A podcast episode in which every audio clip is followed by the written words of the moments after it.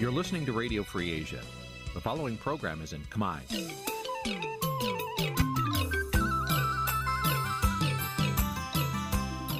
នេះជាកម្មវិធីផ្សាយ Vuthu Azizi Serai នេះជាកម្មវិធីផ្សាយរបស់ Vuthu Azizi Serai ជាភាសាខ្មែរ Vuthu Azizi Serai សូមស្វាគមន៍លោកអ្នកនាងទាំងអស់ពីរដ្ឋធានី Washington នៃសហរដ្ឋអាមេរិក ចាប់ពីរដ្ឋធានី Washington នាងខ្ញុំម៉ៅសុធានីសូមជម្រាបសួរលោកអ្នកស្ដាប់ទាំងអស់ជាទីមេត្រីចាយើងខ្ញុំសូមជូនការផ្សាយសម្រាប់ព្រឹកថ្ងៃប្រហ័ស15កើតខែស្រាប ឆ្នាំថោះបញ្ញស័កពុទ្ធសករាជ2567ហើយដល់ត្រូវនឹងថ្ងៃទី31ខែសីហាគ្រិស្តសករាជ2023ជាដំបូងនេះសូមអញ្ជើញលោកអ្នកនាងកញ្ញាស្ដាប់ព័ត៌មានប្រចាំថ្ងៃដែលមានមេត្តាដូចតទៅ ការស្រាវជ្រាវចុងក្រោយបង្ហាញថាបំណុលបែបកេងប្រវ័ញ្ចកំពុងប៉ះពាល់ធ្ងន់ធ្ងរដល់ប្រជាពលរដ្ឋរស់នៅខេត្តកំពង់ស្ពឺសាលាដំបងក្រុងភ្នំពេញសម្រាប់ឃុំខ្លួនអ្នកទោសគ្រឿងញៀននិងបពពួក11អ្នកទៀតពីបទលាងលុយកខ្វក់និងបទល្មើសផ្សេងទៀតកម្មករកាត់ដេរសំណុំពរដល់រដ្ឋាភិបាល ឲ្យតម្លើងប្រាក់ខែសំរុំគណៈកំពុងប្រឈមទំនិញឡើងថ្លៃនិងបំណុលកសិករជាច្រើននៅខេត្តកណ្ដាលខាត់បងប្រាក់ដោយសារតម្លៃជ្រូកធ្លាក់ចុះរួមនឹងព័ត៌មាន សំខាន់សំខាន់មួយចំនួនទៀតការជាបន្តទៅទៀតនេះនាងខ្ញុំម៉ៅសុធានីសូមជូនព័ត៌មានទាំងនោះពឺស្ដាប់ចាលោកណានៀងជាទីមេត្រីអង្គការលីកាដូនិងអង្គការសមត្ថៈកម្ពុជា បានសិក្សាស្រាវជ្រាវរួមគ្នារកឃើញ ថាប្រជាប្រដ្ឋរាប់ម៉ឺនគ្រួសារនៅខេត្តកំពង់ស្ពឺរងផលប៉ះពាល់ធ្ងន់ធ្ងរដោយសារបំណុលក្នុងនោះរួមមានការលក់ដីទាំងបង្ខំការបន្ថយម្ហូបអាហារនិងកុមាររាប់ពាន់នាក់បានបោះបង់ការសិក្សាជាដើមក៏ប៉ុន្តែអភិបាលខេត្តកំពង់ស្ពឺចាត់ទុករបាយការណ៍នេះថាមិនឆ្លោះបញ្ចាំងពីស្ថានភាពពិតរបស់ពលរដ្ឋនោះឡើយ ចាប់ពីរដ្ឋធានី Washington លោកនៅវណ្ណរិននៃការព័ត៌មាននេះរបាយការណ៍នៃអង្គការទាំងពីរនេះចេញផ្សាយកាលពីថ្ងៃទី29ខែសីហារកឃើញថាពលរដ្ឋនៅក្នុងខេត្តកំពង់ស្ពឺចំនួន30000គ្រួសារបន្ថយអាហារនិងកុមារជិត10000នាក់បោះបង់ការសិក្សាដោយសារវិបត្តិបំណុលធ្ងន់ធ្ងរ របាយការណ៍សិក្សាកម្រាស់37ទំព័របង្ហាញថាពលរដ្ឋនៅក្នុងខេត្តនេះលើសពី80%ជំពាក់បំណុលធនាគារយ៉ាងហោចណាស់មួយស្ថាប័នក្នុងនោះពលរដ្ឋ2ភាគ3អះអាងថាពួកគេជាប់បំណុលធ្ងន់ធ្ងរលើសពីលទ្ធភាពនៃការសងត្រឡប់វិញរបាយការណ៍សិក្សាបានកំណត់ចំណុចហានិភ័យមួយចំនួនដូចជាពលរដ្ឋជាង150,000គ្រួសារកំពុងសងបំណុលយ៉ាងហោចណាស់មួយស្ថាប័ន ហើយពលរដ្ឋជាង28,000គ្រួសារទៀតបន្ថយអាហារនិងកុមារជិត9,000នាក់បោះបង់ការសិក្សា ដើម្បីធ្វើការរកប្រាក់សងបំណុលក្នុងគ្រួសារនាយកប្រតិបត្តិអង្គការសមត្ថៈកម្ពុជា លោកអៀងវុធី មានប្រសាសន៍ថាមូលហេតុដែលអង្គការលោកនិងអង្គការលីកាដូសម្រាប់ចិត្តសិក្សានៅក្នុងខេត្តកំពង់ស្ពឺដោយសារខេត្តនេះជាខេត្តធំមួយហើយមានទីតាំងជិតនឹងរាជធានីភ្នំពេញងាយស្រួលក្នុងការធ្វើការ លោកបន្តថាអង្គការមិនមានធនធានគ្រប់គ្រាន់សម្រាប់សិក្សាទូទាំងប្រទេសនោះទេក៏ប៉ុន្តែលទ្ធផលនេះជាការរកឃើញមួយដែលស្ថាប័នពាក់ព័ន្ធអាចយកទៅសិក្សាបន្តហើយរៀបចំគោលការណ៍ការពារពលរដ្ឋជាអតិថិជនខាងមីក្រូហិរញ្ញវត្ថុត្រូវបង្កើតគោលនយោបាយយ៉ាងម៉េចឲ្យវាស្របទៅនឹង ហៅថាគោលនយោបាយរបស់ OECD ជាអង្គការសម្រាប់កិច្ចសហប្រតិបត្តិការសេដ្ឋកិច្ចនិងអភិវឌ្ឍព្រោះថាធនាគារឬក៏មីក្រូហិរញ្ញវត្ថុហ្នឹងគឺជាតួអង្គសំខាន់ដែលពាក់ព័ន្ធទៅនឹងបញ្ហាសិទ្ធិមនុស្សនិងការអភិវឌ្ឍដូច្នេះហើយគោលការណ៍ជាអន្តរជាតិនេះគឺចាំបាច់ត្រូវតែធ្វើការអនុវត្តឬក៏អនុលោមតាមជុំវិញរឿងនេះ អភិបាលខេត្តកំពង់ស្ពឺលោកវីសំណាងឲ្យដឹងថាលោកបានអានរបាយការណ៍របស់អង្គការទាំងពីរនេះហើយក៏ប៉ុន្តែលោកថាវាមិនឆ្លុះបញ្ចាំងពីការពិតនោះទេលោកថាមានពលរដ្ឋលក់ដីឬដាក់ប្លង់ដីបញ្ចាំនៅធនាគារតិចតួចគឺធ្វើឡើងនៅក្នុងគោលបំណងយកលុយពង្រឹងអាជីវកម្មតែប៉ុណ្ណោះចំពោះស្ថានភាពបំណុលទូទៅ លោកវីសំណាងអះអាងថាជារឿងធម្មតាព្រោះពលរដ្ឋកម្ពុជា ក៏ដូចជាពលរដ្ឋនៅក្នុងខេត្តកំពង់ស្ពឺមានបំណុលតិចតួចបើធៀបទៅនឹងប្រទេសនានាក្នុងពិភពលោករួមទាំងសហរដ្ឋអាមេរិកផងដែរវាអត់មានអីចម្លែកផងដោយសារតាមអ្វីដែលខ្ញុំធ្លាប់សិក្សាគឺពលរដ្ឋនៅលើពិភពលោកសិតតែជាប់បំណុលទាំងអស់ជាពិសេសប្រជាពលរដ្ឋអាមេរិកដែលជាប់បំណុលគឺច្រើនជាងប្រជាពលរដ្ឋកម្ពុជាទៀតគ្រាន់តែកើតមកជាពាក់បំណុលគេ90000ដុល្លារហើយឡែកកម្ពុជាកើតមក បើយើងនិយាយពីបំណុលគឺមានត្រឹមតែ300ជាងដុល្លារតែប៉ុណ្ណឹងរឿងគាត់ទៅខ្ចីរឿងគាត់ទៅបុលគាត់និយាយរឿង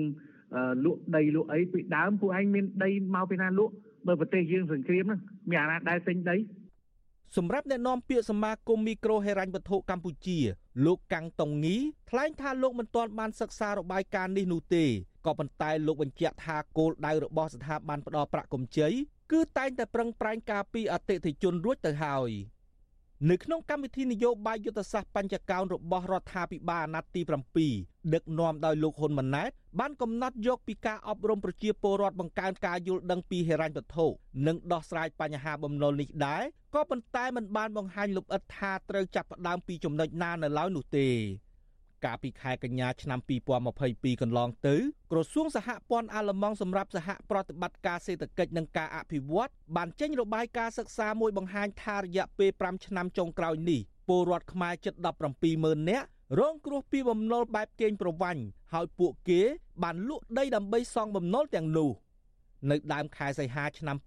2023ការិយាល័យស៊ើបអង្កេតនិងដោះស្រាយបញ្ហាបណ្ដឹងសាជីវកម្មនិងហិរញ្ញវត្ថុអន្តរជាតិ បានបើកការស៊ើបអង្កេតលើធនាគារនិងគ្រឹះស្ថានមីក្រូហិរញ្ញវត្ថុចំនួន6ដែលរងការចោទថារំលោភបំពានធ្ងន់ធ្ងរដល់សិទ្ធិប្រជាពលរដ្ឋជាអតិថិជន ស្ថាប័នទាំងនោះរួមមានធនាគារអេស៊ីលីដាធនាគារស្ថាបនាធនាគារហត្ថាគ្រឹះស្ថានមីក្រូហិរញ្ញវត្ថុអមរិតគ្រឹះស្ថានមីក្រូហិរញ្ញវត្ថុ AMK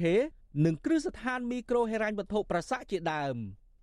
ខ្ញុំបាទនៅវណ្ណរិន With Chu Azizi Saray ពីរដ្ឋធានី Washington ចាលោកណានៀងជាទីមេត្រីពាក់ព័ន្ធនឹងកម្មកររោងចក្រវិញកម្មករកាត់ដេរមួយចំនួននៅរាជធានីភ្នំពេញចង់ឲ្យរដ្ឋាភិបាលដំឡើងប្រាក់ខែឲ្យបានសមរម្យខណៈពួកគេកំពុងប្រឈមបញ្ហាទំនិញឡើងថ្លៃនិងជំពាក់បំណុលធនាគារពុំមានលទ្ធភាពសងចាពួកគេលើកឡើងថារយៈពេល3ខែចុងក្រោយនេះស្ទើរតែគ្រប់រោងចក្រពុំសូវមានការងារឲ្យកម្មករធ្វើទៀងទាត់ ដែលបញ្ហានេះធ្វើឲ្យប៉ះពាល់ដល់ជីវភាពកាន់តែលំបាកចាសសេចក្តីនៃការពឹស្ដាមពីរឿងនេះលោកណានៀងនឹងបានស្ដាប់នាពេលបន្តិចទៀតនេះ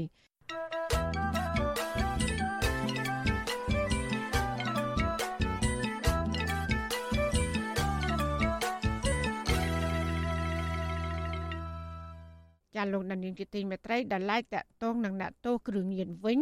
ចៅក្រមស៊ើបសួរសាលាដំបងរាជធានីភ្នំពេញសម្រាប់ចោតប្រកាន់អ្នកទោសមេខ្លោងគ្រឿងញៀនជនជាតិតៃវ៉ាន់និងបពពួកចំនួន11អ្នកផ្សេងទៀតពីបទលាងលុយកខ្វក់ព្រមទាំងបទល្មើសជាច្រើនទៀតនិងបង្គាប់ឲ្យសមត្ថកិច្ចបញ្ជូនទៅឃុំខ្លួននៅពន្ធនាគារប្រៃសណកាលពីព្រឹកថ្ងៃទី30ខែសីហាម្សិលមិញមន្ត្រីសិទ្ធិមនុស្សទទូចឲ្យស្ថាប័នមានសមត្ថកិច្ច ពន្លឿននីតិវិធីស្រាវជ្រាវស្វែងរកអ្នកពាក់ព័ន្ធដើម្បីយកមកផ្ដន្ទាទោសឲ្យបានធ្ងន់ធ្ងរតាមផ្លូវច្បាប់ចានេះគឺជាសកម្មភាពរបស់អ្នកស្រីសុជីវីជំនាញព័ត៌មាននេះចៅក្រមស៊ើបសួរសាលាដំបងរាជធានីភ្នំពេញលោកកៃម៉ានេរ៉ាសម្រាប់ចេញដីកាឃុំខ្លួនអ្នកទោសមេខ្លោងជួញដូរគ្រឿងញៀនជនជាតិតៃវ៉ាន់និងបពពួក11នាក់នៅពន្ធនាគារព្រៃសរកាលពីថ្ងៃទី30ខែសីហា ដោយចោទប្រកាន់ពីបទលាងលុយកខ្វក់ប្លន់មានស្ថានទម្ងន់ទោសបង្ខាំងមានស្ថានទម្ងន់ទោសក្រុមប្រដាប់អាវុធកាន់កាប់អាវុធគ្មានការអនុញ្ញាត និងបទល្មើសផ្សេងផ្សេងទៀតនេះបើយោងតាមអគ្គស្នងការរងនគរបាលជាតិទទួលបន្ទុកបង្ក្រាបបទល្មើសគ្រឿងញៀនលោកម៉ាក់ជីតូដែលប្រាប់វិទ្យុអាស៊ីសេរីកាលពីថ្ងៃទី30ខែសីហាការសម្រេចរបស់ចៅក្រមស៊ើបសួរបែបនេះក្រោយពីតំណាងអัยការលោកវងសវ៉ាត បានបើកការស៊ើបសួរក្រុមអក្រិតជនទាំង11នាក់អស់ជាច្រើនថ្ងៃអ្នកនាំពាក្យអគ្គនាយកដ្ឋានពន្ធនាគារលោកនុតសាវណ្ណាប្រាប់វិទ្យុអាស៊ីសេរីថាក្រុមមន្ត្រីពន្ធនាគារបានបង្កើនសកម្មភាពការពារសន្តិសុខហើយក្រុមអក្រិតជនទាំងនោះមានការឃុំខ្លួនពួកគេដាច់ដោយឡែកពីគ្នា បន្ថែមពីនេះលោកបញ្ជាក់ថា ខាងពន្ធនាគារក៏មិនអនុញ្ញាតឲ្យសាច់ញាតិពួកគេចូលសួរសុខទុក្ខដែរ អត់មានឲ្យចូលទេព្រោះស្ថិតនៅក្រោមការរឹតបន្តឹងការងារសន្តិសុខហើយពង process ការងារនឹងយើងមិនអាចធ្វើឆ្វាយបានទេកិច្ចការគ្រប់គ្រងជនជាប់ឃុំគឺគេបែងចែកទៅតាមចំណាត់ថ្នាក់សន្តិសុខហើយនិងប្រភេទបទល្មើសហើយបើសិនជាបទល្មើសណាដែលវានៅជុំគ្នាបកឲ្យមានហានិភ័យខ្ពស់អាហ្នឹងក៏យើងបំបែកវាដែរនគរបាលថ្នាក់ជាតិនិងកងកម្លាំងសមត្ថកិច្ចចម្រុះទូទាំងប្រទេសបានចេញប្រតិបត្តិការ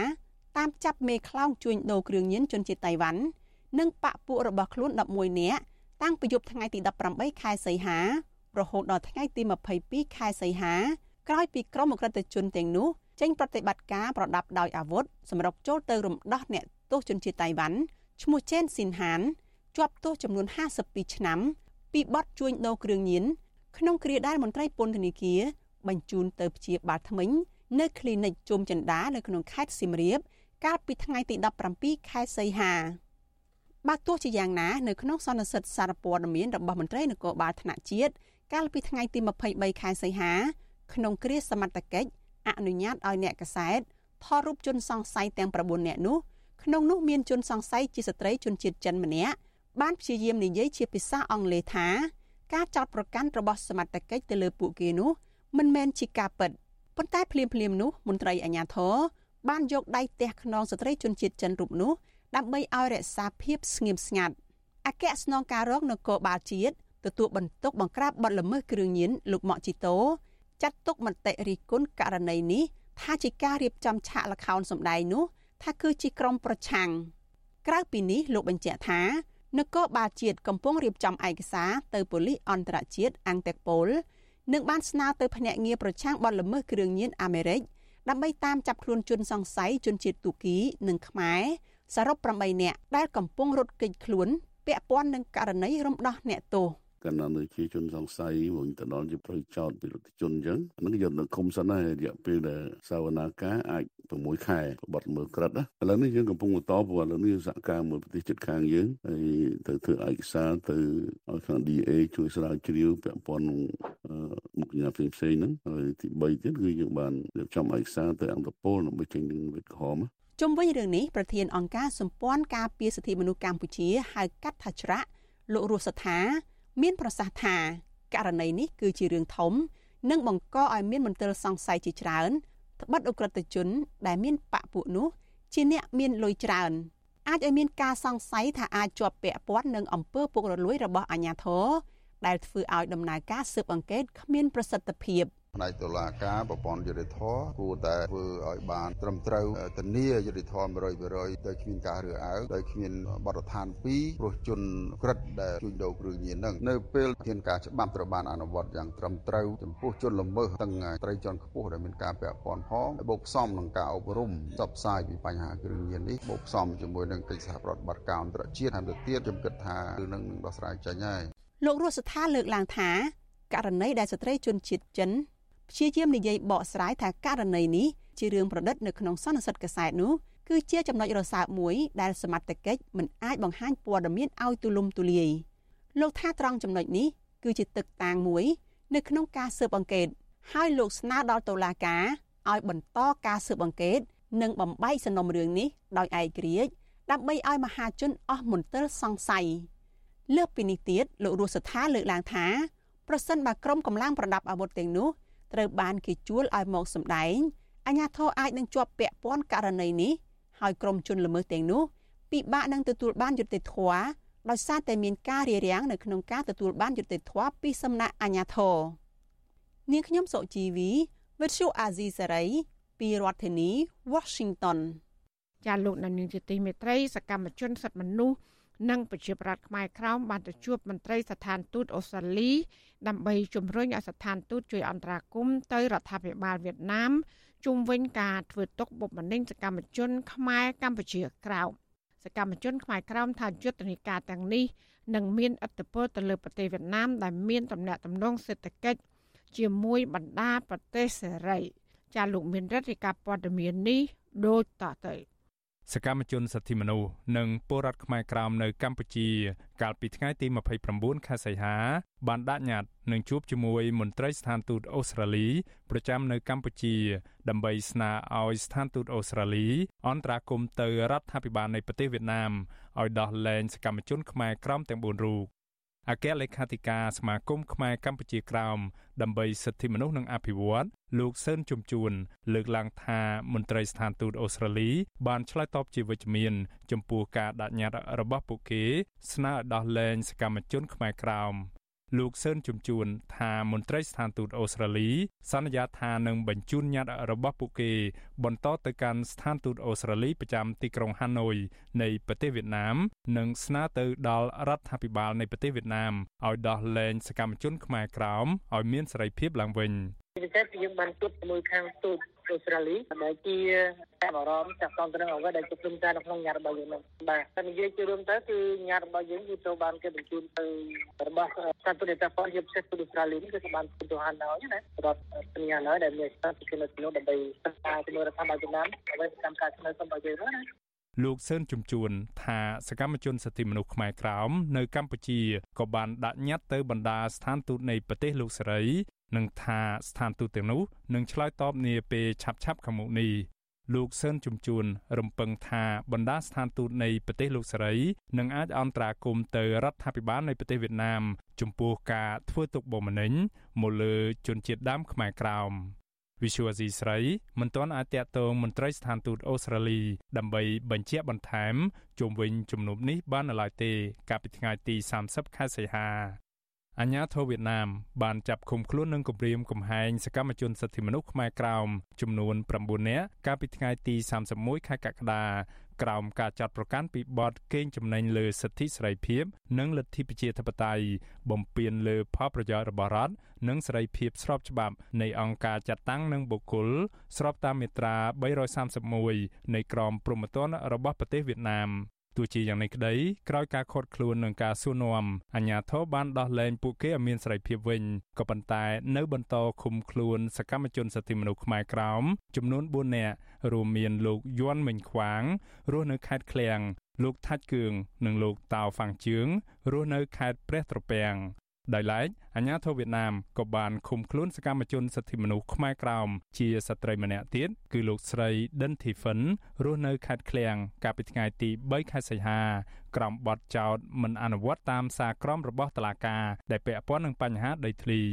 ជុំវិញរឿងនេះសកម្មជនសិទ្ធិមនុស្សខ្មែរក្រោមរស់នៅខេត្តឃ្លៀងលោកយួនសេត លើកឡើងថាយុទ្ធនាការទៀមទាសិទ្ធិសេរីភាពរបស់ពលរដ្ឋខ្មែរកម្ពុជាក្រោមនិងទៀមទាឲ្យដោះលែងសកម្មជនជាប់ឃុំទាំងនេះកំពុងធ្វើឡើងជុំវិញពិភពលោក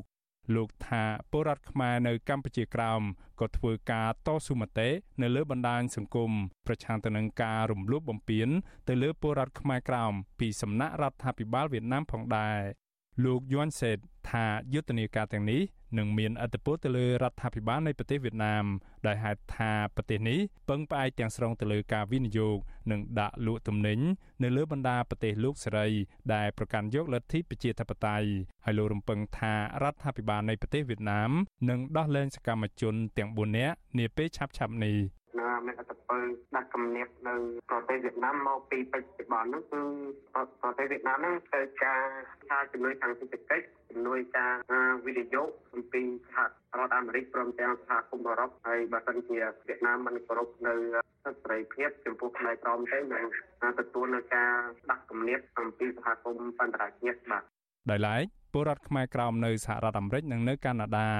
បានធ្វើយុទ្ធនាការនៅខាងមុខស្ថានទូតវៀតណាមជាបន្តបន្ទាប់ដើម្បីទាមទារឲ្យរដ្ឋាភិបាលវៀតណាមដោះលែងសកម្មជនខ្មែរក្រោមនិងបើកទូលាយសិទ្ធិសេរីភាពដល់ខ្មែរកម្ពុជាក្រោមដែលជាជនជាតិដើមឡើងវិញខ្ញុំបាទមេរិត Visual Asia ស្រីពីរដ្ឋធានី Washington ចាលោកណានយើងជាទីមេត្រីនៅឯប្រទេសអូស្ត្រាលីនៅវិញសមាជិកសភាអូស្ត្រាលីពីររូបបន្តរិះគន់រដ្ឋាភិបាលលោកហ៊ុនម៉ាណែត ដែលកើតចេញពីការបោះឆ្នោតមិនត្រឹមត្រូវនិងទាមទាររដ្ឋាភិបាលអូស្ត្រាលីដាក់ទណ្ឌកម្មដូចជាបិទទឹកថាការឬវីសាចូលប្រទេសអូស្ត្រាលី និងបង្កកទ្រព្យសម្បត្តិអ្នកវិភាគនយោបាយយល់ថាការបន្តនៅយុទ្ធនាការរិះគន់ពីការបោះឆ្នោតនៅកម្ពុជានេះនឹងអាចមានឥទ្ធិពលលើរដ្ឋាភិបាលកម្ពុជាចាលោកថាថៃរិកាព័ត៌មាននេះសមាជិកសភាអូស្ត្រាលីពីររូបមកពីគណៈបកពលករ បានឡើងថ្លែងការណ៍ជាថ្មីទៀតនៅក្នុងរដ្ឋសភាវីកតូរីយ៉ាពាក់ព័ន្ធនឹងការបោះឆ្នោតគ្មានសេរីនិងយុត្តិធម៌នៅកម្ពុជាដែលប្រសូតបាននៅរដ្ឋាភិបាលខ្វះភាពស្របច្បាប់មួយដែលដឹកនាំដោយលោកហ៊ុនម៉ាណែតសមាជិកសភាអូស្ត្រាលីដើមកំណត់ខ្មែរលោកតាក់មិញហៀងលើកឡើងនៅក្នុងរដ្ឋសភានៅថ្ងៃទី30សីហាថាលោកក្រោកឈរនៅថ្ងៃនេះដើម្បីថ្កោលទោសការបោះឆ្នោតคล้ายៗនៅកម្ពុជាដែលបានធ្វើឡើងកាលពីថ្ងៃទី23ខែកក្កដាហើយនឹងការផ្ទេរអំណាចពីលោកហ៊ុនសែនទៅកូនប្រុសរបស់គាត់គឺលោកហ៊ុនម៉ាណែត លោកបញ្ជាក់ថាការបោះឆ្នោតคล้ายៗនេះដោយសារគណៈបកប្រឆាំងធំជាងគេហើយជាគណៈបកប្រឆាំងតែមួយគត់ដែលមានសក្តានុពលនិងលទ្ធភាពប្រកួតជាមួយនឹងគណៈបកប្រជាជនកម្ពុជាត្រូវបានហាមឃាត់ពីការចូលរួមបោះឆ្នោតលោកបន្ថែមថាអាក្រក់ប៉ុណ្ណឹងហើយមិនគ្រប់គ្រាន់ទេការបោះឆ្នោតត្រូវបានបំផ្លាញដោយការចាប់ខ្លួននិងការផ្ដន់ទាទោសមេបកប្រឆាំងលោកកឹមសុខា27ឆ្នាំរួមទាំងអំពើហិង្សាទៅលើសមាជិកគណៈបកប្រឆាំងនិងអ្នកគាំទ្រអង្គការសង្គមស៊ីវិល និងសហជីពមុនឈានដល់ការបោះឆ្នោតការដែលអះអាងថា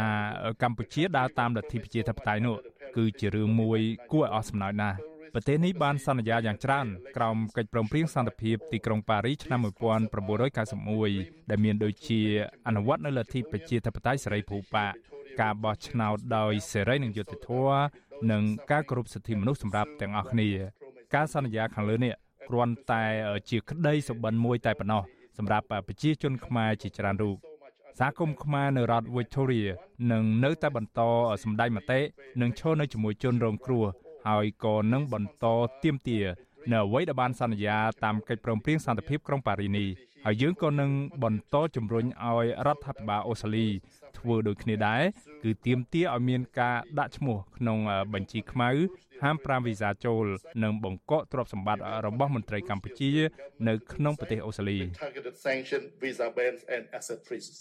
សមាជិកសភាអូស្ត្រាលីម្នាក់ទៀតគឺលោក Tim Richardson ក៏បានថ្លែងក្នុងរដ្ឋសភាកាលពីថ្ងៃទី29សីហាដែរលោកថាប្រជាធិបតេយ្យនៅកម្ពុជាស្ថិតក្រោមរបបគ្រប់គ្រងដោយលោកហ៊ុនសែននិងរដ្ឋាភិបាលកម្ពុជាបច្ចុប្បន្នត្រូវបានសម្លាប់លោកប្រកាសថ្កោលទោសការបោះឆ្នោតคล้ายៗនៅកម្ពុជា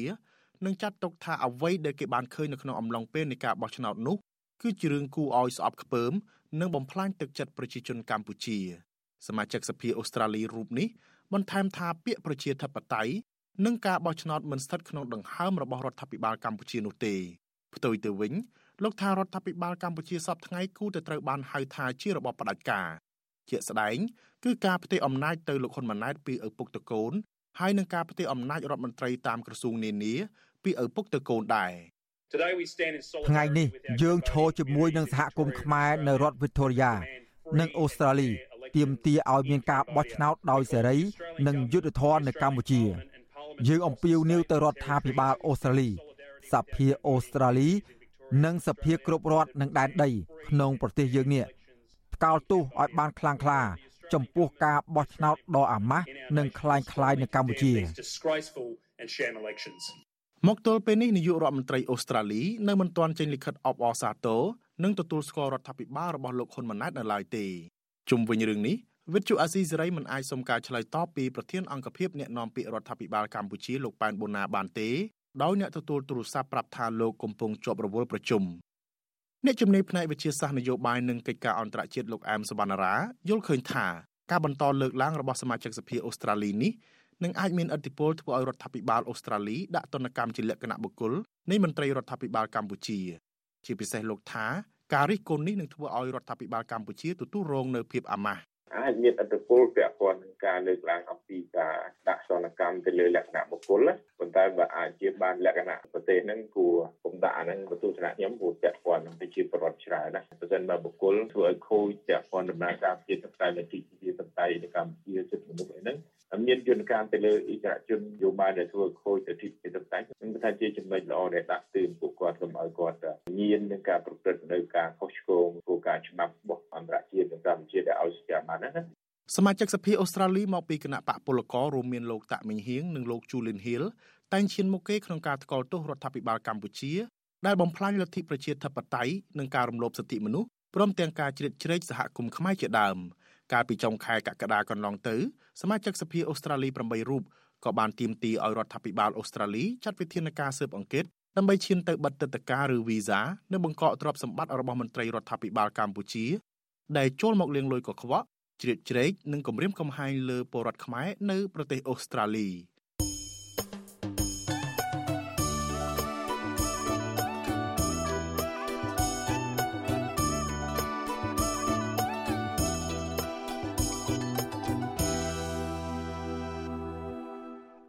ចាលោកនាយកជាទីមេត្រីអង្គការសង្គមស៊ីវិលនិងអ្នកច្បាប់ស្នើឲ្យរដ្ឋាភិបាលកម្ពុជាគ្រប់សិទ្ធិមនុស្ស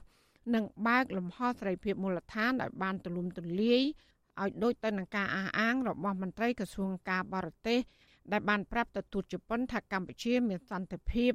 និងស្ថិរភាពគ្រប់វិស័យចាសសូមស្ដាប់សេចក្តីរាយការណ៍របស់លោកយ៉ងច័ន្ទតារាជំវិញព័ត៌មាននេះអង្គការសង្គមស៊ីវិលនិងអ្នកសិក្សាផ្នែកច្បាប់លើកឡើងថារដ្ឋាភិបាលគួរតែងាកមកដោះស្រាយបញ្ហាប្រឈមធំធំនៅក្នុងសង្គមនិងយកគំរូតាមប្រទេសជប៉ុន ជាជាងការនិយាយដោះសារប្រាប់ទៅបរទេស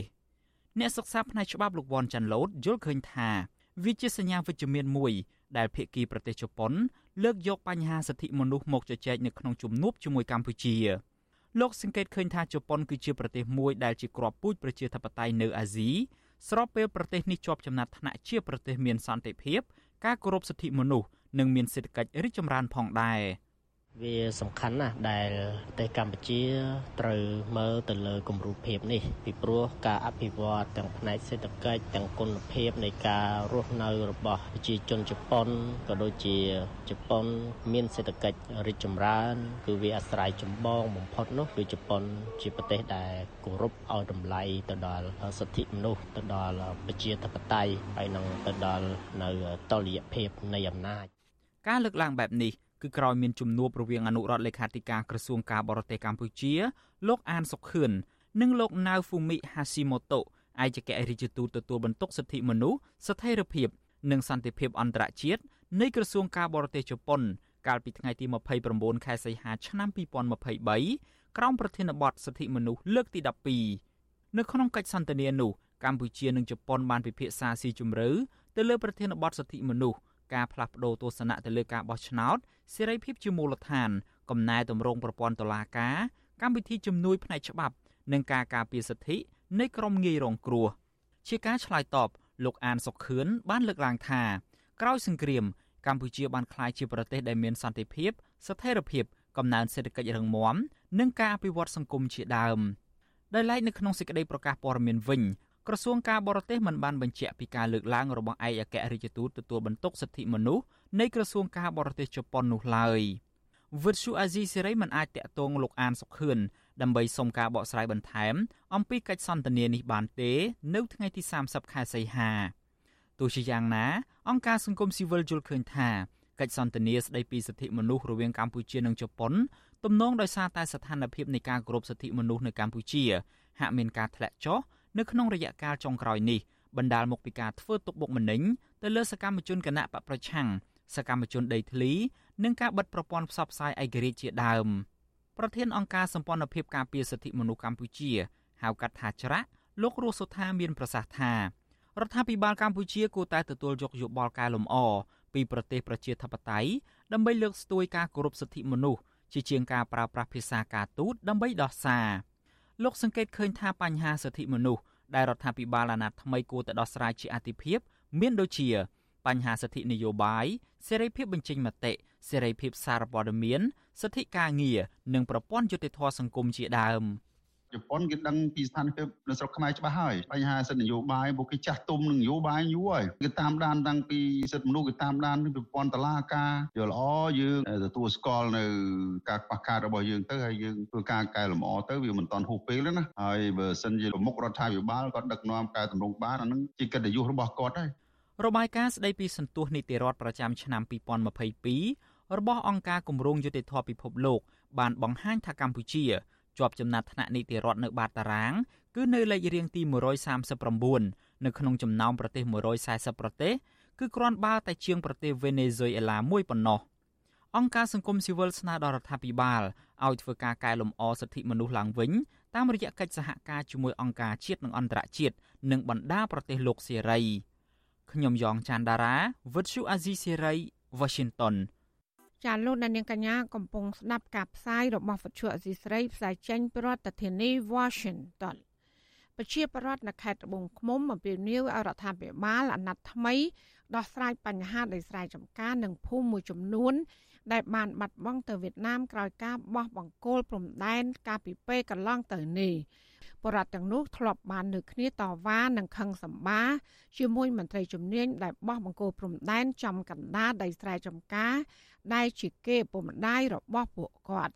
ចាសសេចក្តីរាយការណ៍ពុស្ដាមពីរឿងនេះលោកណានៀងក៏នឹងបានស្ដាប់នាពេលបន្តិចទៀតនេះលោកណានៀងជាទីមេត្រីដំណើរធាននឹងស្ដាប់ការផ្សាយរបស់វិទ្យុអសីសេរី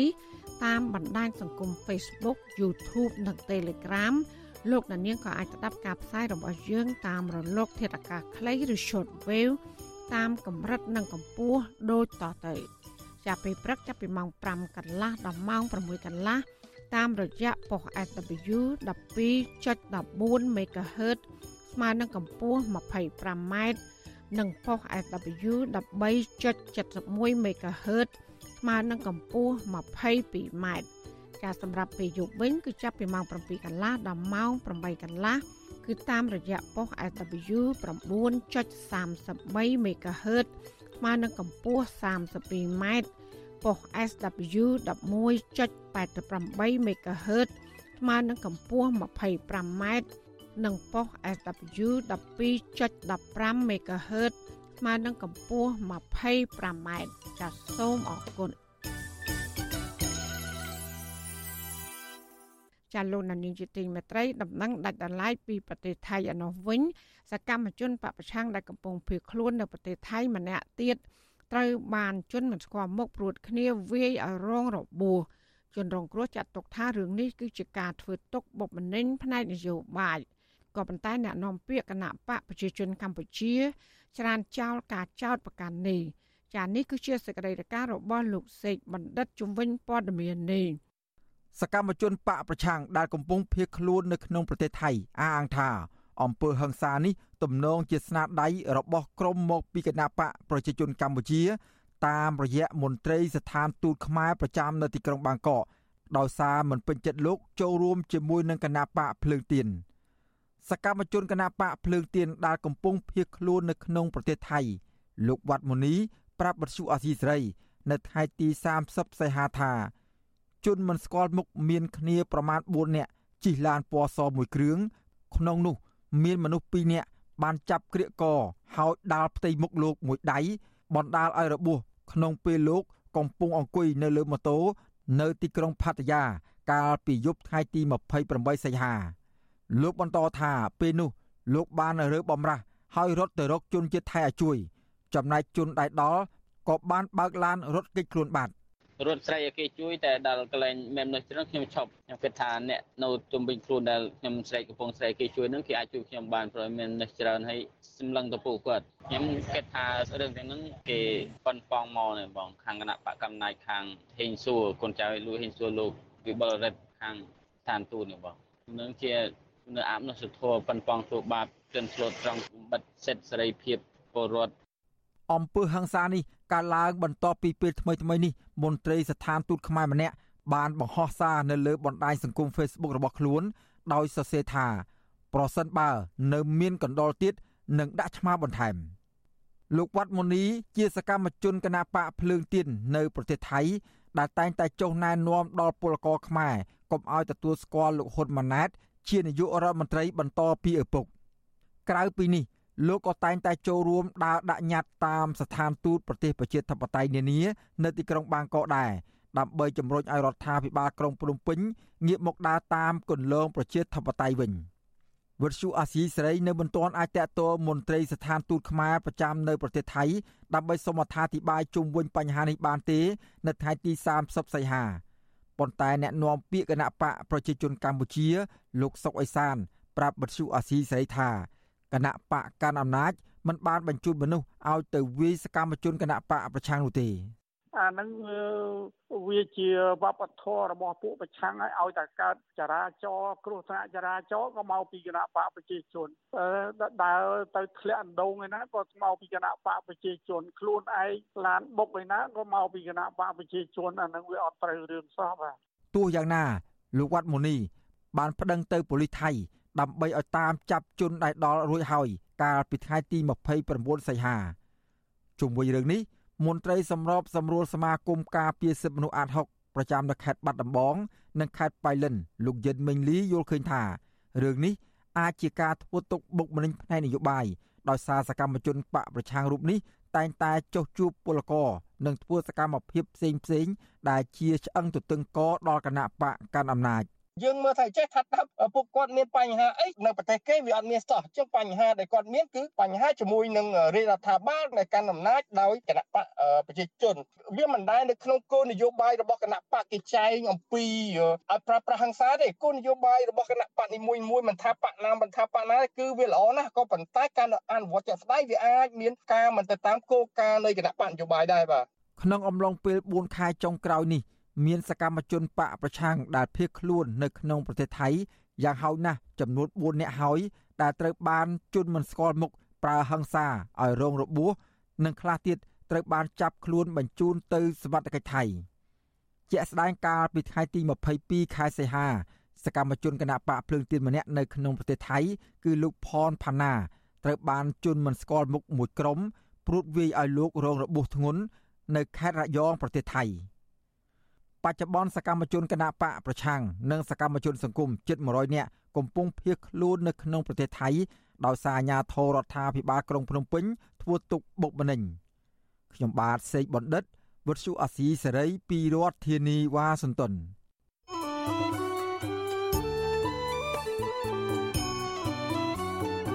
លោកដានៀងជាទីមេត្រីក្នុងឱកាសនេះដែរនាងខ្ញុំសូមថ្លែងអំណរគុណដល់លោកដានៀងកញ្ញាទាំងអស់ដែលតែងតែមានភក្ដីភាព ចំពោះការផ្សាយរបស់យើងហើយចាត់ទុកការស្ដាប់វិទ្យុអសីសេរី គឺជាផ្នែកមួយនៃសកម្មភាពប្រចាំថ្ងៃរបស់លោកអ្នកការគ្រប់គ្រងរបស់លោកដានៀងនេះហើយ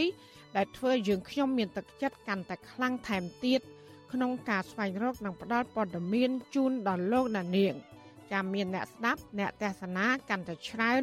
កាន់តែធ្វើឲ្យយើងខ្ញុំមានភាពស្វាហាប់មោះមុតជាបន្តទៀតចាយើងខ្ញុំសូមអរគុណទុកជាមុនហើយក៏សូមអញ្ជើញលោកដានៀងកញ្ញាចូលរួមជំរុញឲ្យសកម្មភាពផ្ដល់ព័ត៌មានរបស់យើងនេះកាន់តែជោគជ័យបន្ថែមទៀតលោកដានៀងអាចជួយយើងខ្ញុំបានដោយគ្រាន់តែចុចចែករំលែកឬ share ការផ្សាយរបស់យើងនេះ នៅលើបណ្ដាញសង្គម Facebook និង YouTube ទៅកាន់មិត្តភ័ក្តិដើម្បីឲ្យការផ្សាយរបស់យើងនេះបានទៅដល់មនុស្សកាន់តែច្រើនចាសសូមអរគុណ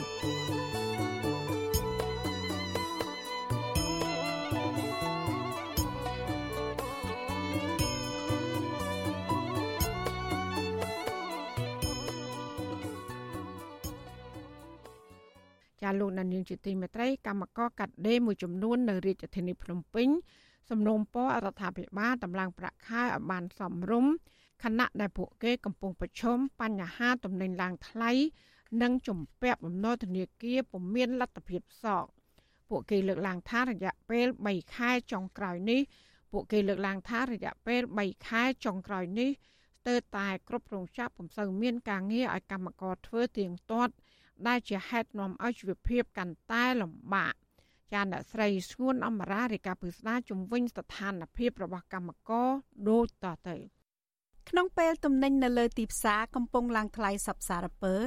ការចំណាយក៏កាន់តែច្រើនជាងមុននិងមានបន្ទុកត្រូវបង់សងបំណុលធនាគារប្រចាំខែ ស្របពេលការងារនៅតាមរោងចក្រមិនសូវសម្បូរទៀតនោះកំពុងធ្វើឲ្យកម្មករក្នុងវិស័យកាត់ដេរប្រឈមនឹងបញ្ហាជីវភាពធ្ងន់ធ្ងរ កំពុងឈរចាំទិញគុយទាវនៅក្បែររោងចក្រក្នុងពេលសម្រាកអាហារថ្ងៃត្រង់នៅក្នុងសង្កាត់ស្ទឹងមានជ័យខណ្ឌមានជ័យរាជធានីភ្នំពេញ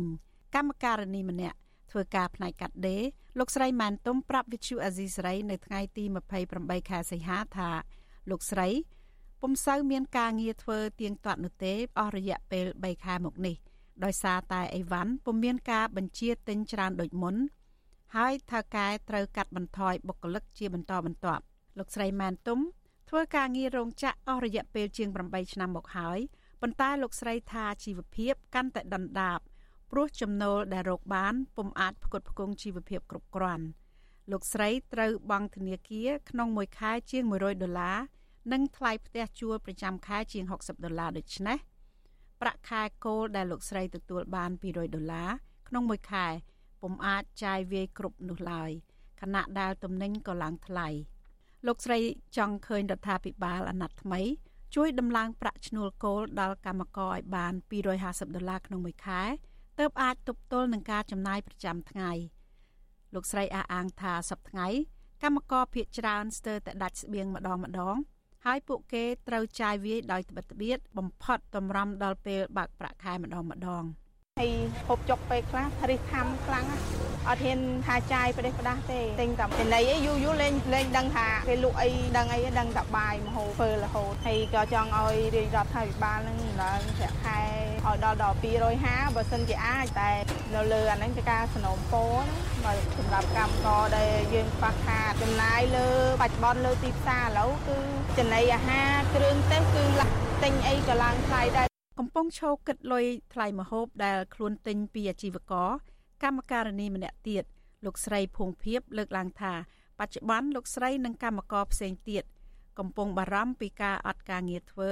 ព្រោះថាការរោងចក្រនឹងបន្តព្យួរការងារដល់បុគ្គលិកមួយចំនួន ចាប់ពីថ្ងៃទី1ខែកញ្ញាខាងមុខនេះដោយសារតែអស់ការងារធ្វើ លោកស្រីបន្តថារៀងរាល់ដើមខែ ឬចុងខែ លោកស្រីតែងតែខ្ចីលុយអ្នកចិត្តខាងទិញបាយហូបព្រោះប្រាក់ខែបើកមកពុំអាចប្រើប្រាស់គ្រប់លោកស្រីបន្តថាគ្រួសារលោកស្រីត្រូវចំណាយច្រើនដូចជាថ្លៃជួលផ្ទះថ្លៃសិក្សារបស់កូន និងថ្លៃទឹកភ្លើងជាដើម គឺមិនក្រោម300ដុល្លារនោះទេ លោកស្រីសង្ឃឹមថារដ្ឋាភិបាលថ្មីនឹងពិចារណាឡើងវិញ ពីសុខទុក្ខរបស់កម្មករដោយដំឡើងប្រាក់ខែឲ្យឆ្លើយតបនឹងតម្រូវការចាយវាយជាក់ស្ដែង បើពុំនោះទេ កម្មករភៀកច្រើននឹងរស់នៅដោយជីវភាពខ្វះខាតតែពីថ្ងៃទី1ហ្នឹងទៅគេជួការងារ2ខែរហូតដល់ខែ11បញ្ចូលវិញបាក់ដែរហ្នឹងព្រោះយើងបង់ធនាគារអីអញ្ចឹងដែរហើយណាមួយគ្រប់គងគ្រួសារអញ្ចឹងវាមានលុយកាក់ហើយការងារឥឡូវរធ្វើក៏អត់បានដែរជុំវិញរឿងនេះអ្នកនាំពាក្យក្រសួងការងារលោកកតាអនប្រាប់វិទ្យុអាស៊ីសេរីតាមប្រព័ន្ធ Telegram នៅថ្ងៃទី29ខែសីហាថា ករណីដំឡើងប្រាក់ឈ្នួលជូនកម្មករនេះ គឺជាកិច្ចការមួយដែលក្រសួងការងារនិងភាគីពាក់ព័ន្ធកំពុងតែរកដំណោះស្រាយតែយ៉ាងណា លោកពុំតាន់អាចបញ្ជាក់បានទេថាតើនឹងដំឡើងប្រាក់ឈ្នួលអបបរមា បានប៉ុន្មាននោះទេ លោកសរសេរថាក្រសួងការងារបន្តប្រឹងប្រែងចរចាជាមួយភាគីនយោជកនិងសហជីពដើម្បីដំឡើងប្រាក់ឈ្នួលអបបរមា ដល់បងប្អូនកម្មករនយោជិតឲ្យបានមុនភ្ជុំបិណ្ឌ ខាងមុខនេះទោះដំឡើងបានកម្រិតណាក៏ដោយឲ្យសមស្របសម្រាប់ជាប្រយោជន៍ដល់កម្មករនយោជិត ហើយមានការព្រមព្រៀងគ្នាពីភាគីពាក់ព័ន្ធត្បិតថាកម្មករភៀកច្រើន ជួបការលំបាកជីវភាព និងប្រឈមបាត់បង់ការងារជាបន្តបន្ទាប់ក្តីលោកនាយករដ្ឋមន្ត្រីហ៊ុនម៉ាណែតបានថ្លែងក្នុងវេទិកាចោះជួបកម្មករជាលើកដំបូងនៅថ្ងៃទី29ខែសីហា ដោយសន្យាថា និងដំឡើងប្រាក់ឈ្នួលគោលកម្មករឲ្យលើសចំនួន200ដុល្លារក្នុងពេលបច្ចុប្បន្នប៉ុន្តែលោកមិនទាន់អាចបញ្ជាក់ថាអាចដំឡើងចំនួនប៉ុន្មាននោះទេ កាលពីថ្មីថ្មីនេះមេដឹកនាំសហជីពឯករាជ្យមួយចំនួន បានកំណត់យកតួលេខ220ដុល្លារដើម្បីត្រៀមយកទៅចរចាប្រាក់ឈ្នួលគោលក្នុងវិស័យវេយនភ័ណ្ឌកាត់ដេរផលិតស្បែកជើង និងផលិតផលធ្វើដំណើរសម្រាប់ឆ្នាំ2024 ក្នុងកិច្ចប្រជុំក្រុមប្រឹក្សាជាតិប្រាក់ឈ្នួលអបបរមា ត្រីភាគី គឺភាគីរដ្ឋាភិបាលនយោជកនិងភាគីសហជីពតំណាងកម្មករនៅពេលខាងមុខនេះប្រធានសហភាពការងារកម្ពុជាលោកអាត់ធុនប្រាប់វិទ្យុអេស៊ីស្រីថាសប្តាហ៍ថ្ងៃស្ថានភាពកម្មករកំពុងតែប្រឈមការលំបាកច្រើន ជាពិសេសការចាយវាយកើនឡើង លោកថាបើសិនជាករណីនេះពំបានស្រាវជ្រាវឲ្យបានត្រឹមត្រូវ ពីសំណាក់ភាគីពាក់ព័ន្ធទេ អ្នកប្រឈមខ្លាំងគឺកម្មករហើយពួកគេងាយធ្លាក់ទៅក្នុងបន្ទាត់នៃភាពក្រីក្រលោកថាការដំឡើងប្រាក់ឈ្នួលឲ្យកម្មករសម្រាប់ឆ្នាំ2024គួរបន្ថែមចំនួនជាង20ដុល្លារលើប្រាក់ឈ្នួលគោលកាលពីឆ្នាំ2023ព្រោះសហជីពរកឃើញថាបច្ចុប្បន្នកម្មករម្នាក់ត្រូវចំណាយការឡើងរហូតដល់ចន្លោះ180ទៅ700ដុល្លារក្នុងមួយខែ ដោយសារតែការទទួលបន្ទុកផ្គត់ផ្គង់សមាជិកគ្រួសារមានចាប់ពី4ទៅ5នាក់ជាដើម។លើស្ថានភាពលំបាករបស់កម្មករយុវជនបច្ចុប្បន្នដែលតិផរណាកើនឡើងហើយក៏ចំណាយក្នុងការរស់នៅនឹងមានការលំបាក ខ្ពស់នេះហើយនឹងយោងលើរបាយការណ៍ស្រាវជ្រាវដែលក្នុងតលហេកទាំង7រកឃើញថាយុវជននិងរដ្ឋាភិបាលគួរតែដំឡើងប្រាក់ចំណូលកម្មករឲ្យបានសមរម្យហើយខ្ញុំគិតថាយ៉ាងហោចណាស់ក៏ចន្លោះពី220ទៅ250នេះដែរទើបអាចគាត់កាត់បន្ថយការចំណាយនិងការលំបាករបស់គាត់បានបាទថ្មីថ្មីនេះរបាយការណ៍អង្កេតបឋមរបស់អង្គការសង្ត្រាល់រកឃើញថារោងចក្រមួយចំនួន បានកាត់បន្ថយបុគ្គលិកកម្មករជាមធ្យមចន្លោះពី20ទៅ30%នៅឆ្នាំនេះហើយកម្មករនិយោជិតមួយចំនួនធំ បាត់បង់ប្រាក់ចំណូល ចន្លោះពី25ទៅ30%បើប្រៀបធៀបក្នុងឆ្នាំ2022ករណីនេះ ធ្វើឲ្យកម្មករត្រូវតែបង្ខំចិត្តកាត់បន្ថយរបបអាហារហូបចុកប្រចាំថ្ងៃ និងរងសម្ពាធវិបត្តិផ្លូវចិត្តជាដើម នាងខ្ញុំសួនអមរា Vithu Azizi Saray ពីរដ្ឋធានី Washington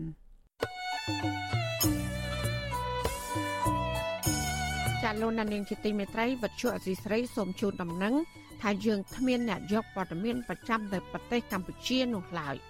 បើសិនជាមានជនណាម្នាក់អះអាងថាជាអ្នកយកព័ត៌មានឲ្យវិទ្យុអសីស្រីនៅកម្ពុជានោះគឺជាការក្លែងបន្លំយកឈ្មោះរបស់បច្ចុប្បន្នស៊ីសេរី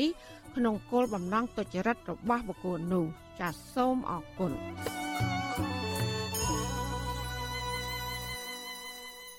ចាលោកដានៀងជាទីមេត្រីពីព្រំដែនប្រទេសវៀតណាមនៅខេត្តត្បូងឃ្មុំប្រជាពលរដ្ឋរស់នៅក្នុងខេត្តនេះអំពាវនាវឲ្យរដ្ឋាភិបាលអាណត្តិថ្មី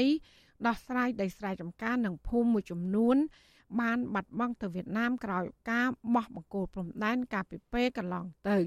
ប្រដ្ឋទាំងនោះធ្លាប់លើកគ្នាតវ៉ានឹងខឹងសម្បាជាមួយមន្ត្រីជំនាញដែលបានបោះបង្គោលព្រំដែនចំកណ្ដាលដីស្រែចំការគេឪពុកម្ដាយរបស់ពួកគាត់ចាសសូមលោកដានៀងស្ដាប់សេចក្តីរាយការណ៍របស់លោកជាតិចំណានជំវិញព័ត៌មាននេះពលរដ្ឋរាប់រយគ្រួសាររស់នៅឃុំច័ន្ទមូលឃុំរូងនិងឃុំជួមក្នុងស្រុកមេមត់ខេត្តត្បូងឃ្មុំនៅតែក្តៅក្រហាយក្នុងចិត្តនៅពេលដែលពួកគាត់នឹកឃើញរឿងរ៉ាវតាក់ទងនឹងបញ្ហាព្រំដែនម្ដងម្ដងដោយសារតែអ្នកភូមិទាំងនោះ ទទួលរងនូវភាពអយុត្តិធម៌ជាច្រើនក្នុងករណីបាត់បង់ដីស្រែបាត់បង់ភូមិកំណើតនិងការគំរាមកំហែងតាមប្រព័ន្ធតុលាការនៅពេលដែលពួកគាត់ចេញទៅតវ៉ាមិនពេញចិត្តទៅនឹងអាជ្ញាធរដែលកំណត់ខណ្ឌសីមាព្រំដែនជាមួយវៀតណាមកាលពីពេលកន្លងទៅក្រុមពលរដ្ឋទាំងនោះតែងតែរក្សាភាពស្ងៀមស្ងាត់និងអត់ធ្មត់មិនហ៊ានបញ្ចេញមតិនឹងតវ៉ាជុំវិញបញ្ហានោះទេព្រោះខ្លាចអាជ្ញាធរចាប់ដាក់គុកនិងធ្វើទុកបុកម្នេញពលរដ្ឋរស់នៅឃុំច័ន្ទមូលស្រុកមេមត់ខេត្តត្បូងឃ្មុំថ្លែងសុំមិនបញ្ចេញឈ្មោះប្រាប់វិសុអស៊ីសេរីថាអាញាធរ អូសបន្លាយពេលមិនដោះស្រាយវិវាទដីធ្លីរបស់ពលរដ្ឋនៅតាមបណ្ដោយព្រំដែនដែលត្អូញត្អែរពីការបាត់បង់ដីស្រែចម្ការដែលជាគេពីឪពុកម្ដាយទៅឲ្យវៀតណាមបន្ទាប់ពីបោះបង្គោលព្រំដែនលោកស្រីថាតំបន់ដែលបាត់បង់ដីស្រែទៅវៀតណាមនោះគឺនៅតាមបណ្ដោយព្រំដែនស្ថិតនៅក្នុងឃុំរូងឃុំជួមឃុំច័ន្ទមូលឃុំត្រៀកនិងឃុំជួមក្រវៀនចៅក្តាយព្រមនឹងធ្វើម៉េចបើឲ្យទីហ៊ានហាហ៊ានកុកមកហាម៉ាត់កុកហាម៉ាត់កុកខ្ញុំអត់ធៀនដែរនោះឥឡូវវាយកច្រើនណាស់លោកគ្រូ ចង់ទៅស្រឹមពគាត់មើលព្រំដែនស្រួលបួលកុំឲ្យដល់ឪដល់កូនសុំសំណុំពរទៅប៉ុណ្ណឹងខ្ញុំចង់យំហ្នឹងអ្នកភូមិអះអាងទៀតថាពលរដ្ឋដែលរស់នៅតាមតំបន់ព្រំដែនខ្វះភាពកក់ក្ដៅមិនត្រឹមតែបាត់បង់ដីស្រែគេដូនតានោះទេបែរជាខ្លាចជាជនរងគ្រោះជាប់បណ្ដឹងនៅតុលាការហើយមកដល់ពេលនេះមានពលរដ្ឋយ៉ាងហោចណាស់6នាក់ជាប់បណ្ដឹងនៅតុលាការដោយសារតែតវ៉ាទាមទារដីស្រែចម្ការដែលបាត់បង់ទៅវៀតណាម រីឯពលរដ្ឋភៀសច្រើនបានបោះបង់ដីដែលវៀតណាមរំលោភយកព្រោះមិនចង់មានរឿងរ៉ាវវែងឆ្ងាយហើយមិនចង់ចំណាយពេលដើរប្តឹងផ្តល់នោះឡើយដីស្រែចម្ការរបស់អ្នកភូមិច័ន្ទមូលនៅតាមបណ្ដោយព្រំដែននៅចំណុចភូមិច័ន្ទមូលសរុប300ហិកតាដែលវៀតណាមគ្រប់គ្រងតាំងពីឆ្នាំ1998ហើយរដ្ឋាភិបាលបានសម្របសម្រួលបោះបង្គោលព្រំដែនជាមួយភាគីវៀតណាមរួចរាល់ភាគីវៀតណាមបានប្រគល់ដីនៅតំបន់នោះមួយផ្នែកដែលមានទំហំជាង70ហិកតាប៉ុណ្ណោះឲ្យទៅអាជ្ញាធរខ្មែរវិញអ្នកស្រុកអះអាងទៀតថាភូមិច័ន្ទសាលា ដែលស្ថិតនៅក្នុងចំណុចវាលត្បូងដែលជាភូមិបុរាណមួយមានពលរដ្ឋខ្មែររស់នៅទីនោះច្រើនចំនួនមកហើយហើយបច្ចុប្បន្នបានក្លាយជាវាលរហោឋានគ្រប់គ្រងដោយវៀតណាមរីឯនៅភូមិតនងក្នុងឃុំច័ន្ទមូលស្ថិតនៅក្នុងចន្លោះបង្គោលព្រំដែនលេខ97រហូតដល់99មានដីស្រែជាច្រើនហិកតាត្រូវបានវៀតណាមគ្រប់គ្រងដោយមានបង្គោលព្រំដែនខ្លះបោះចំកណ្ដាលដីស្រែអ្នកភូមិលើសពីនេះទៀតនៅក្នុងភូមិអំពុលដែលជាភូមិដ៏ចំណាស់ស្ថិតនៅក្នុងឃុំច័ន្ទមូល បច្ចុប្បន្នក៏ត្រូវបានវៀតណាមកាន់កាប់ដែរក្រោយពីរដ្ឋាភិបាលបោះបង្គោលព្រំដែនជាមួយវៀតណាមរួចរាល់ចាប់តាំងពីឆ្នាំ2010រហូតដល់ឆ្នាំ2022រីឯក្រសួងមហាផ្ទៃបានលុបឈ្មោះភូមិនោះចេញពីបញ្ជីគ្រប់គ្រងរដ្ឋបាលឃុំសង្កាត់កន្លងទៅអ្នកភូមិតែងតែជួបជុំគ្នានិយាយពីមន្ត្រីគណៈកម្មការចម្រុះកិច្ចការព្រំដែនដែលចុះទៅបញ្យល់ពួកគាត់ឲ្យទទួលយកការកំណត់ខណ្ឌសីមាដែលពួកគាត់ចោទប្រកាន់ថាធ្វើឲ្យបាត់បង់ដីស្រែចម្ការរបស់ពលរដ្ឋខ្មែររាប់រយគ្រួសារពលរដ្ឋម្នាក់ឈ្មោះឆៃវិតបានថ្លែងជាសាធារណៈ ផ្ដាំទៅអតីតទេសរដ្ឋមន្ត្រីនៃគណៈកម្មាធិការចម្រុះកិច្ចការព្រំដែនលោកវ៉ាកំហុងថាភូមិអំផលនិងភូមិភោគមិនមែនបាត់បង់នៅសម័យដូនតាខ្មែរនោះទេគឺបាត់បង់នៅក្នុងសម័យនេះគណៈ កម្មការព្រំដែនគេមកដល់គេឈួរមើលសិនគេហៅយាយថាអ៊ំអ៊ំមកណែគេថាអ៊ំហើយស្រុកខ្មែរមានច្បាប់ច្បាប់ជាតិច្បាប់អន្តរជាតិផែនទីធ្វើតាំងពីឆ្នាំប្រមាណឆ្នាំប្រមាណគេប្រាប់អញ្ចឹងគេថាយើងឆ្កាឆ្កាធ្វើតាំងពីដូនតាមែនប៉ុន្តែរឿងដីធ្លីស្អីស្អីហ្នឹងគេថាមិនដឹងជារបស់គេមិនដឹងជារបស់យើងឥឡូវយើងមានផែនទីគេមកផលិតកំហឹងពួកខ្ញុំអញ្ចឹង បាទរួចពួកខ្ញុំថាដីនេះពួកខ្ញុំធ្វើតាំងពីដូនតាមកពួកខ្ញុំមិនដឹងថាផែនទីត្រឹមណាទេភូមិផលភូមិក្អូកសិតតែភូមិខ្មែរមិនមិនមែនបាត់តាំងពីដូនតាខ្ញុំទេបាត់សម័យខ្ញុំនឹងទេលោកថាកុំនៅទេលើប្រជាពលរដ្ឋតំបន់នោះធ្វើនៅលើដីវៀតណាមខ្ញុំលើពាក្យនឹងខ្ញុំមានកំភ្លើចាំបាញ់ទៅទួនោះចោលទៀតខ្ញុំសំប្រាប់សំប្រាប់ទៅលោកហៅណាំហងបង្ហោះវីដេអូនោះទៅឲ្យលោកណាំហងមើលផងហើយលោកឯងថាប្រជាពលរដ្ឋចូលដីវៀតណាមវិសុវអសិសរីមិនអាចតាក់ទងសុំការបកស្រាយបន្ថែមរឿងនេះ ពីរដ្ឋមន្ត្រីទទួលបន្ទុករដ្ឋលេខាធិការកិច្ចការព្រំដែនលោកឡាំជាបាននៅឡើយទេនៅថ្ងៃទី30ខែសីហាដោយទូរស័ព្ទហៅចូលតែគ្មានអ្នកលើកកាលពីខែកក្កដាកន្លងទៅគណៈកម្មាធិការចម្រុះកិច្ចការព្រំដែននៃទីស្តីការគណៈរដ្ឋមន្ត្រីបានចេញសេចក្តីប្រកាសព័ត៌មានមួយបង្ហាញថាការបោះបង្គោលព្រំដែនរវាងកម្ពុជានិងវៀតណាមក្រោមការដឹកនាំរបស់លោកនាយករដ្ឋមន្ត្រីហ៊ុនសែនធ្វើឡើងដោយត្រឹមត្រូវម៉ត់ចត់និងច្បាស់លាស់ដើម្បីរក្សាបានផ្ទៃក្រឡាដីកម្ពុជា 181.035គីឡូម៉ែត្រការ៉េដោយបានកំណត់ច្បាស់ក្នុងរដ្ឋធម្មនុញ្ញតំណាងរាជគណៈបកសង្គ្រោះជាតិលោកអ៊ុំសំអានបញ្យល់ថារដ្ឋាភិបាលបានបោះបង្គោលព្រំដែនជាមួយវៀតណាមដោយមិនបានផ្អែកតាមមរតករបស់បារាំងឬអនុសញ្ញាកម្ពុជាកូសាំងស៊ីនឆ្នាំ1873និងបានធ្វើឲ្យដីស្រែនិងភូមិខ្មែរមួយចំនួនបាត់បង់ទៅប្រទេសវៀតណាមជាបន្តបន្ទាប់ អ្វីដែលបោះបង្គោលកន្លងមកនេះមិនត្រឹមត្រូវគួរតែសើរើឡើងវិញដោយតំបន់ដែលភូមិខ្មែរផ្ទះខ្មែរយើងហ្នឹងចូលដីយួរហ្នឹងរដ្ឋាភិបាលថ្មីរបស់លោកហ៊ុនម៉ាណែតហ្នឹងត្រូវឲ្យលេខាធិការដ្ឋានព្រំដែនថ្មីហ្នឹងចុះទៅពិនិត្យមើលតំបន់ហ្នឹងយកដីហ្នឹងមកឲ្យខ្មែរវិញបាទហើយបើសិនជាដោះស្រាយមិនចេញគួរតែប្តឹងទៅតុលាការយុត្តិធម៌អន្តរជាតិ ICJ នៅទីក្រុងឡាអេមិនអាចដោះស្រាយបញ្ហាបញ្ហានឹងបានណាតកតនឹងបញ្ហានេះប្រធានក្រុមប្រឹក្សាឃ្លាំមើលនៃប្រទេសណ័រវេស លោកម៉ែនណាតស្នើឲ្យលោកនាយករដ្ឋមន្ត្រីហ៊ុនម៉ាណែតគួរតែដោះស្រាយបញ្ហានេះនិងទុកកង្វល់រួមរបស់ពលរដ្ឋដើម្បីលាងជម្រះកំអែប្រវត្តិសាស្ត្រដែលបន្សល់ពីឪពុករបស់លោកការបោះអង្គព្រំដែនធ្វើឡើងដោយ រដ្ឋាភិបាលហ៊ុនសែនកន្លងទៅហើយយកសន្ធិសញ្ញាឆ្នាំ85ធ្វើជាមូលដ្ឋានហើយរួមទាំងធ្វើផែនទីថ្មីថ្មីដែលវាមិនវាមិនត្រឹមត្រូវតាមផែនទីដើមដែលចែងក្នុងមាត្រា2នៃរដ្ឋធម្មនុញ្ញហ្នឹងជាធម្មតាតាមផ្លូវច្បាប់ត្រូវសាររឿងវិញពីព្រោះបាត់បង់បូរណភាពទឹកដីវាមានអ្នកដែលធ្វើនិងអ្នកដែលសំគំនិតមន្ត្រីរដ្ឋាភិបាលនាយករដ្ឋមន្ត្រីក៏ដោយត្រូវមានទោសនឹងស្មើនឹងអ្នកធ្វើជាតិប្រហារដែរឬក៏ទោសក្បត់ជាតិ កាលពីខែវិច្ឆិកាឆ្នាំ2019លោកហ៊ុនសែនបានចុះហត្ថលេខាទទួលស្គាល់បង្គោលព្រំដែនដែលបានបោះរួចចំនួន84%ជាមួយនឹងភាគីវៀតណាមនៅក្នុងរដ្ឋធានីហាណូយគណៈបកប្រឆាំងចាត់ទុកការបោះបង្គោលព្រំដែនកន្លងទៅមិនស្របតាមមរតកដែលបន្សល់ទុកពីអាណានិគមបារាំងនិងផ្ទុយពីកិច្ចព្រមព្រៀងសន្តិភាពទីក្រុងប៉ារីសឆ្នាំ1991និងរដ្ឋធម្មនុញ្ញកម្ពុជាខ្ញុំបាទជាចំណាន Visual Society ប្រធានាទី Washington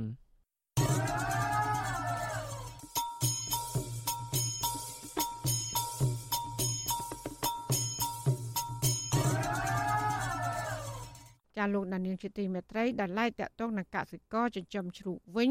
កសិករនៅខេត្តកណ្ដាលជាច្រើនអ្នកនាំគ្នាឈប់ចិញ្ចឹមជ្រូកដោយសារតម្លៃធ្លាក់ចុះធ្វើឲ្យពួកគាត់មិនអាចទប់ទល់នឹងថ្លៃចំណាយប្រចាំខែគណៈចំណីរបស់ជ្រូកវិញកំពុងឡើងថ្លៃខ្ពស់ចាលោកសេកបណ្ឌិត មានសក្តីរិកាដាច់តម្លៃមួយទៀតជំវិញព័ត៌មាននេះកសិករដែលមានកសិដ្ឋានចិញ្ចឹមជ្រូកជាច្រើនអ្នកនៅខេត្តកណ្ដាល ត្អូញត្អែស្រដៀងគ្នាថា ពួកគេកំពុងប្រឈមមុខបិទទ្វារឈប់ចិញ្ចឹមជ្រូកដោយសារមិនអាចរកប្រាក់ដើម្បីទប់ទល់នឹងថ្លៃចំណាយប្រចាំខែបានរីឯអ្នកខ្លះទៀតពុំអាចរកប្រាក់ចំណូលបាន ដើម្បីសងបំណុលធនាគារនិងបង្ខំចិត្តលក់ដីស្រែចម្ការយកលុយទៅដោះបំណុលកសិករនៅក្រុងសំពើពូនខេត្តកណ្ដាលលោកសៅចក់ហាងប្រាប់វិទ្យុអាស៊ីសេរី នៅថ្ងៃទី30ខែសីហាថា រូបលោកប្រកបមុខរបរចិញ្ចឹមជ្រូកនេះជាច្រើនឆ្នាំមកហើយប៉ុន្តែមួយរយៈពេលចុងក្រោយនេះលោកសង្កេតឃើញថាតម្លៃជ្រូកធ្លាក់ចុះថ្លៃខុសពីសពមួយដង ដោយពីមុនលក់បានតម្លៃ10000រៀលក្នុង1គីឡូប៉ុន្តែបច្ចុប្បន្ននេះក្នុង1គីឡូក្រាមឈ្មួញទិញតែជាង7000រៀលប៉ុណ្ណោះរីឯចំណីសម្រាប់ចិញ្ចឹមជ្រូកវិញ កំពុងឡើងថ្លៃខុសពីធម្មតា ពលគឺពីតម្លៃ20000ទៅ30000រៀលក្នុង1បេចំណែកឯតម្លៃពីមុន1បេតម្លៃ10000រៀលរដ្ឋាភិបាលជួយដោះស្រាយឲ្យបានជំឡើងថ្លៃតរយៈពេលតែយើងចាំនៅបានមានចំណេញនិយាយខ្លះអញ្ចឹងណាយើងរដ្ឋយើងមានមានកម្លាំងចាំទៅថាអញ្ចឹងបិទត្រង់បដៃអស់ជ័យរកឡើងបានឡើងថ្លៃ luôn ចំណេញឯខ្លះជ័យពីចាំហ្នឹងស្រដៀងគ្នានេះដែរកសិករម្នាក់រស់នៅក្នុងស្រុកកោះធំ គឺលោកស្រី GP រៀបរាប់ថាលោកស្រីកំពុងពិបាកចិត្តមិនដឹងទៅរកលុយមកពីណា ដើម្បីយកទៅសងម្ចាស់បំណុលវិញនោះទេដោយសារជ្រូកប្រមាណ30ក្បាល ដែលត្រូវលក់ចេញនោះឈ្មួញឲ្យតម្លៃទាបពេកมันអាចគ្រប់គ្រាន់នឹងថ្លៃចំណាយលោកស្រីថៃឥឡូវនេះកំពុងដាក់លក់ដីចំការជិត1ហិកតាដើម្បីយកប្រាក់ទៅសងម្ចាស់បំណុល។ កូនមួយ5មួយ10ម៉ឺនណាគ្រូឲ្យមើលឲ្យទៅពេលណៃថ្លៃណៃជាង10ម៉ឺនយ៉ាងតាមនៅគីឡូហើយយើងចាំហត់នេះយើងខាតធំជីងាប់ជីអីហងហើយអាគាត់លក់ទៅអត់បានថ្លៃទៀតតស៊ូប៉ុនចាំខាតរហូតឥឡូវជិតអស់ដីគ្រូលក់កដុំទៀតមើលទៅសំយើងខាតរហូតចំណែកឯលោកស្រីស្ដាងណារីដែលកំពុងចិញ្ចឹមជ្រូកជាង100ក្បាលក៏បានរៀបរាប់ដែរថា លោកស្រីសម្រេចចិត្តកាត់បន្ថយប្រើប្រាស់ចំណីនិងថ្នាំក្នុងការចិញ្ចឹមជ្រូកដោយសារតែមានតម្លៃថ្លៃมันអាចរកប្រាក់ទិញចំណីដើម្បីផ្គត់ផ្គង់បាននោះទេលោកស្រីបន្ថែមថាការធ្វើបែបនេះវាប៉ះពាល់ដល់ការលូតលាស់របស់ជ្រូកនិងមិនមានសាច់ល្អហើយក៏មិនអាចលក់បានថ្លៃដែរចាំតែវាអត់សូវធំមិនលោកគ្រូដឹងយើងឲ្យស៊ីម្ដៃវាអត់ដល់មិនលេងកតុពាក់ក្រាម្ដៃពាក់ក្រា ចំណៃវាថ្លៃពេលលោកគ្រូឡើងរហូតតែយើងលេងកតុលេងចឹងនេះខ្លះចឹងដល់ហើយដូចវាអត់សូវធំដូចថាលឿនណាកសិករនៅខេត្តកណ្ដាលភ ieck ច្រើន ប្រកបមុខរបរធ្វើស្រែចម្ការដាំដំណាំ និងចិញ្ចឹមសត្វជាពិសេសចិញ្ចឹមជ្រូកដើម្បីផ្គត់ផ្គង់ជីវភាពគ្រួសារប៉ុន្តែបច្ចុប្បន្នកសិករបានលះបង់មុខរបរពួកគាត់ជាបន្តបន្ទាប់ដោយសារតែកសិផលមិនមានទីផ្សារនិងតម្លៃសមរម្យ កសិករទាំងនោះប្រឈមមុខនឹងធ្វើចំណាក់ស្រុកដើម្បីស្វែងរកការងារធ្វើនៅក្រៅប្រទេសដោយអ្នកខ្លះបង្ខំចិត្តបញ្ជូនកូនឲ្យទៅធ្វើការនៅក្នុងប្រទេសថៃជុំវិញរឿងនេះវិទ្យុអាស៊ីសេរីនៅពុំទាន់អាចតតងប្រធានអង្គភិបអ្នកណែនាំពាក្យរដ្ឋាភិបាលលោកប៉ែនបូណា និងអ្នកណែនាំពាក្យក្រសួងកសិកម្មរុក្ខាប្រមាញ់និងនេសាទអ្នកនាងអឹមរចនាបានទេ នៅថ្ងៃទី30ខែសីហាតកតទៅនឹងបញ្ហានេះ ប្រធានក្រុមប្រឹក្សាភិបាលអ្នកចិញ្ចឹមសត្វកម្ពុជា លោកលីឡាវីលយល់ឃើញថាការចិញ្ចឹមជ្រូកមិនអាចរកប្រាក់ចំណេញដោយសារតម្លៃធ្លាក់ចុះនេះមិនមែនកើតមានឡើងនៅតែខេត្តកណ្ដាលប៉ុណ្ណោះទេ បញ្ហានេះវាបានកើតឡើងទូទាំងប្រទេសលោកថាបញ្ហានេះដោយសារតែមានការនាំជ្រូកចូល និងសាច់ជ្រូកបង្កកពីប្រទេសជិតខាងស្នើសុំទៅក្រសួងពាក់ព័ន្ធ ជាពិសេសក្រសួងកសិកម្មនិងសំតែក្រសួងកសិកម្មគាត់ក៏អត់មានដំណោះស្រាយអីដែរបែរថាមាននឹងគួយមើលទាំងអស់គ្នាអញ្ចឹងវាអត់ធ្វើអីកើតណាចង់និយាយអញ្ចឹងព្រោះអានេះវាបើមកស្របច្បាប់គេខ្ញុំជឿថារដ្ឋាភិបាលវាមានឲ្យមកស្របច្បាប់គេឲ្យកូតាមកថាគេឲ្យកូតា1000តោនអាហ្នឹងគឺមកស្របច្បាប់ហើយក៏ប៉ុន្តែអាមិនស្របច្បាប់នោះមិនដឹងណាឲ្យ1000មក10000ក៏យើងដឹង របាយការណ៍របស់សមាគមអ្នកចិញ្ចឹមសត្វកម្ពុជា បានឲ្យដឹងថាបច្ចុប្បន្នប្រទេសកម្ពុជាត្រូវការជ្រូកប្រមាណ10000ក្បាលក្នុងមួយថ្ងៃដើម្បីផ្គត់ផ្គង់របាយការណ៍នេះបញ្ជាក់ថាកម្ពុជានាំចូលជ្រូកពីក្រៅប្រទេសទើបធ្វើឲ្យតម្លៃជ្រូកក្នុងស្រុកធ្លាក់ចុះពលគឺចាប់តាំងពីខែកញ្ញាឆ្នាំ2022ភាគច្រើនការនាំចូលជ្រូកពីប្រទេសវៀតណាមថៃ និងបណ្ដាប្រទេសផ្សេងៗទៀតតាមរយៈកំពង់ផែខេត្តព្រះសីហនុ ខ្ញុំបាទសេកបណ្ឌិតវិទ្យុអាស៊ីសេរីពីរដ្ឋធានីវ៉ាស៊ីនតោន